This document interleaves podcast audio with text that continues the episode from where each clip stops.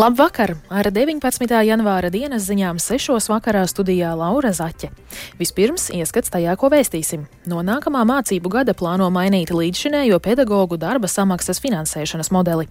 Baltijas valstis vienojas uz ārējām robežām veidot aizsardzības līniju.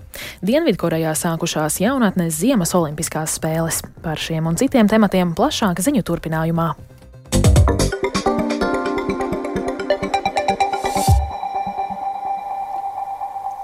Līdzšinējo pedagoģu darba samaksas finansēšanas modeli, kurā nauda seko skolēnam, plānots nomainīt uz jaunu principu, kas balstīts katras izglītības programmas izmaksās.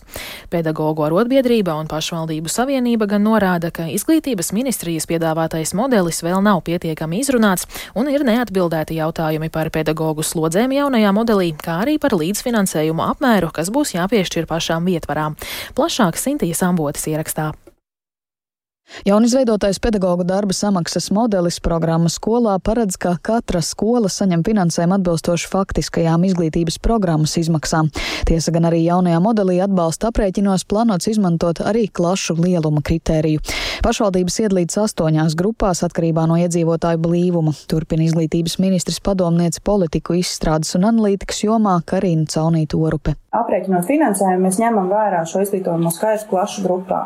Tā pašā laikā mēs arī paredzam tātad šo pieļaujamo novirzi no skaita. Sākuma skolas posmā ir šī pieļaujamā novirze 25%, nu, kas faktiski nozīmē, ja septiņi bērni vai vairāk ir klasē, tad no valsts budžeta ir paredzēts pilns meditācijas apmērs.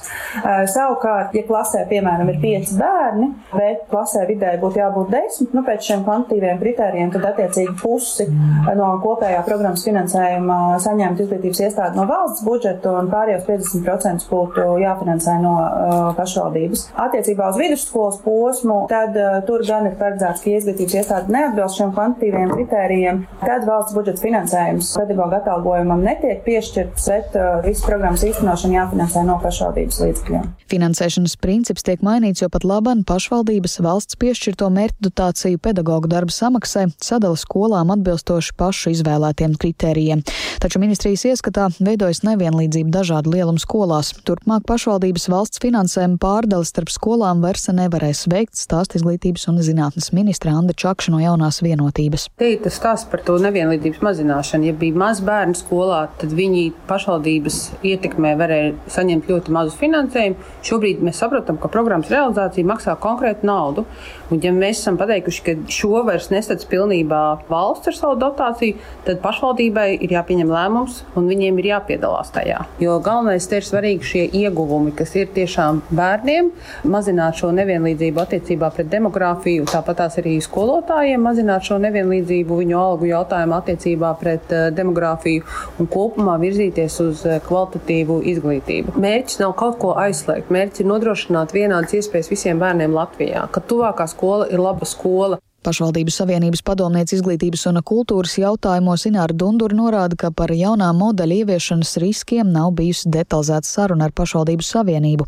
Dundura vērtē, ka tas radīs lielu ietekmi uz pašvaldību budžetiem.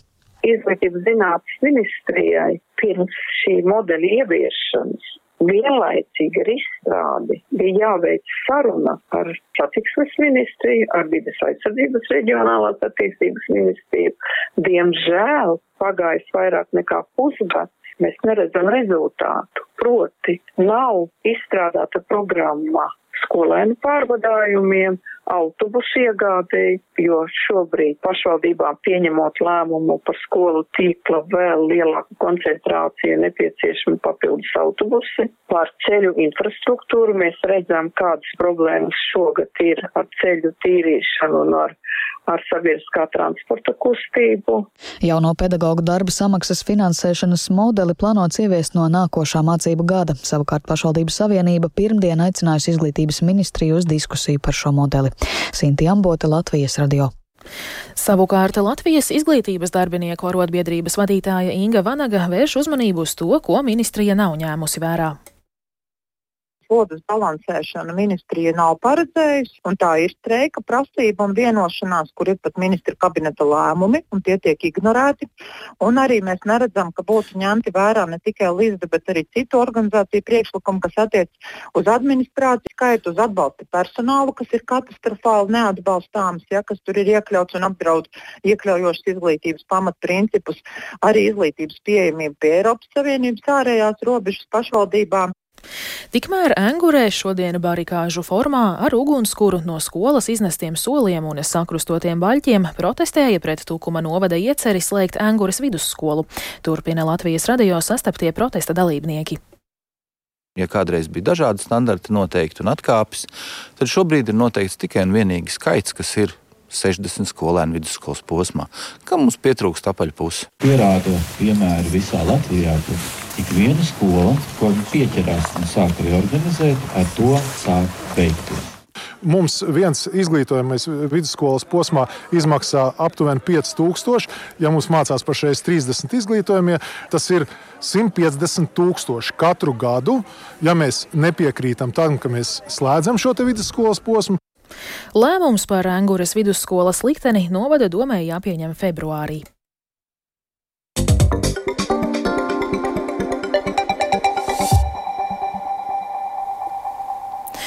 Šodien Rīgā noslēdzās Baltijas valstu aizsardzības ministru komitejas sanāksme, kurā piedalījās Latvijas aizsardzības ministrs Andris Sprūts no progresīvajiem, Lietuvas aizsardzības ministrs Arvīts Anušausks un Igaunijas aizsardzības ministrs Hanno Pevkurs.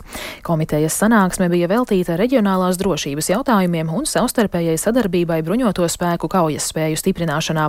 Pēc sanāksmes notika kopīgam preses konferencem, kurā Baltijas valstu aizsardzības ministri parakstīja trīspusēju vienošanos par Baltijas Baltijas aizsardzības līnijas izveidi uz austrumu robežas. Kā norādīja Latvijas aizsardzības ministrs Andris Sprūts, Baltijas aizsardzības līnijas izveides mērķis ir agresora atturēšana un valsts teritorijas aizsardzība no pirmā centimetra. Ir vairāki veidi, kā to turpināt. Protams, ir valsts plāni. Latvijas gadījumā mēs tikai pabeidzam militārās pretmobilitātes plānu. Tas tiks iesniegts valdībā mēneša beigās. Tas paredz vairākas dažādas robežu stiprināšanas aktivitātes. Es tagad neiedziļināšos detaļās, bet tie ir īstermiņa un ilgtermiņa plāni, kā virzīties uz priekšu robežas stiprināšanā, runājot par Baltijas aizsardzības līniju. Noteikti vēl ir daudz lietu, ko mēs varam darīt kopā, attiecīgi saskaņojot nacionālos plānus, arī veicot kopīgus iepirkumus, veicot strateģiskus un arī praktiskus soļus. Tāpēc vēl ir daudz darāmā, jo jāatceras, ka apdraudējums mums nāk no vienas un tās pašas pašpārliecinātas agresoru valsts. Visas trīs valstis ir vienisprātis, ka jābūt gatavām atvairīt iespējamo agresiju no tās pirmajām minūtēm. Igaunijas aizsardzības ministrs Hanno Pevkurš norādīja, ka Baltijas aizsardzības līnija nozīmē to, ka trīs valstu teritorijās gar austrumu robežu izveidotas priekšplāna militārās pozīcijas. Uh, Un tas, protams, nav pāris mēnešu jautājums. Tas laikam ir ilgāks periods, jo būs jārunā ar zemes gabalu īpašniekiem. Cerams, ka varēsim izmantot pēc iespējas vairāk valstī piedarošo teritoriju. Bet ziniet, ka mēs visi šobrīd saprotam, ka tas ir kaut kas, kas mums jādara. Un šī atziņa radusies balstoties uz militāru personu ieteikumiem. Tā ir mūsu politiskā izšķiršanās garantēt, ka tas notiks. Vēl šodien Rīgā pulcējās Baltijas valstu parlamentārieši un ministriju pārstāvji. Viņi sprieda par sadarbību kritiskās infrastruktūras uzturēšanā, kā arī par transporta savienojamību Baltijas reģionā. Vairāk par Baltijas valstu pārstāvju spriesto Jāņa Kīņša sagatavotajā ierakstā. Sēdē plānots spriest par kritiskās infrastruktūras aizsardzību, energoapgādes inženiertīkliem, transporta tīkliem, informācijas un sakaru sistēmām, kā arī zemūdens infrastruktūras aizsardzību.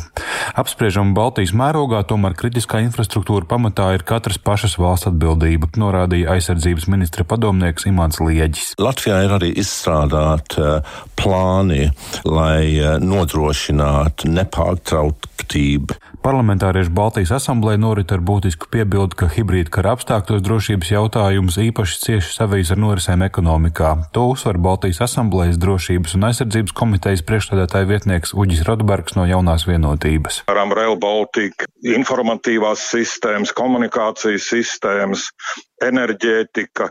Ierasti Baltijas valstu parlamentu deputāti sniegs arī konkrētus ieteikumus valstu valdībām. Svarīgākos kopīgi apspriežamos jautājumus izceļ Baltijas asamblējas ekonomikas, enerģētikas un inovācijas komitejas priekšādātāja vietnieks Andris Kulbergs no apvienotā saraksta. Kā viena no prioritātēm saskaņota starp trīs Baltijas valstīm enerģētikas stratēģiju. Kā mēs darām ar bāzes jautājumu, ko mēs darām ar pārvadiem, kā risināt, lai mēs nekavētos Rail Baltiku projekts jau ir jāklasificē par drošības objektu un tikai tad komerc.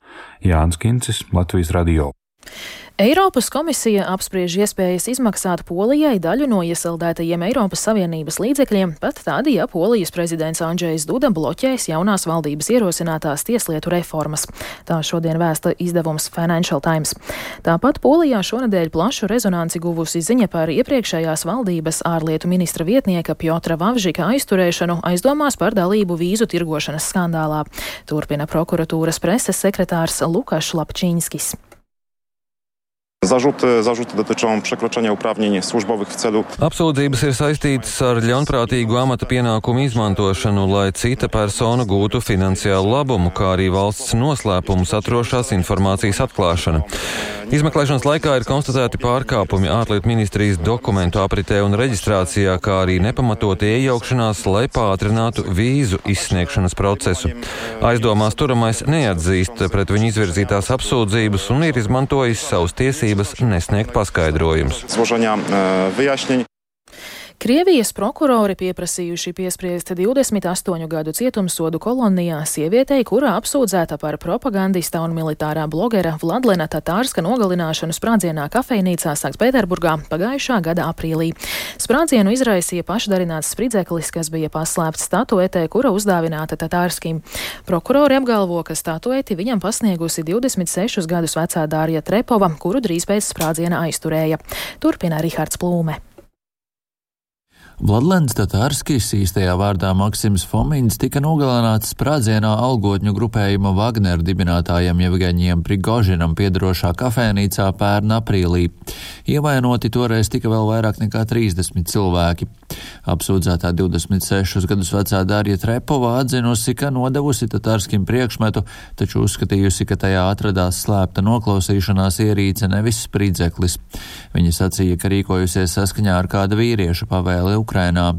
Viņas rīcību esot motivējuši personīgi iebildumi pret Krievijas militāro ofensīvu pret Ukrainu.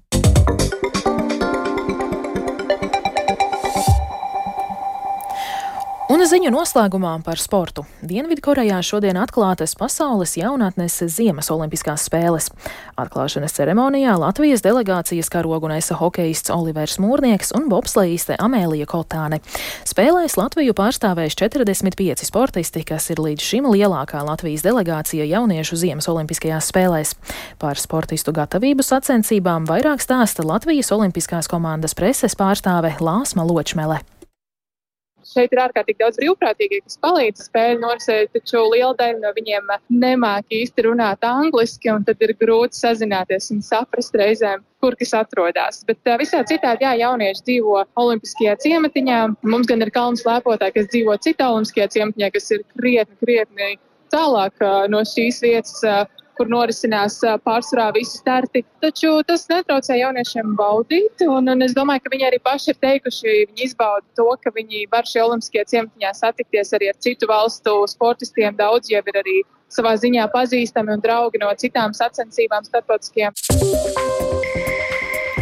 Ar to izskan 19. janvāra dienas ziņas. Producents Viktors Pupiks, ierakstus montēja Uldis Grīnbergs, pieskaņu pults Īveta Zvejniece, bet studijā Laura Zaķe. Vēl tikai par laikapstākļiem.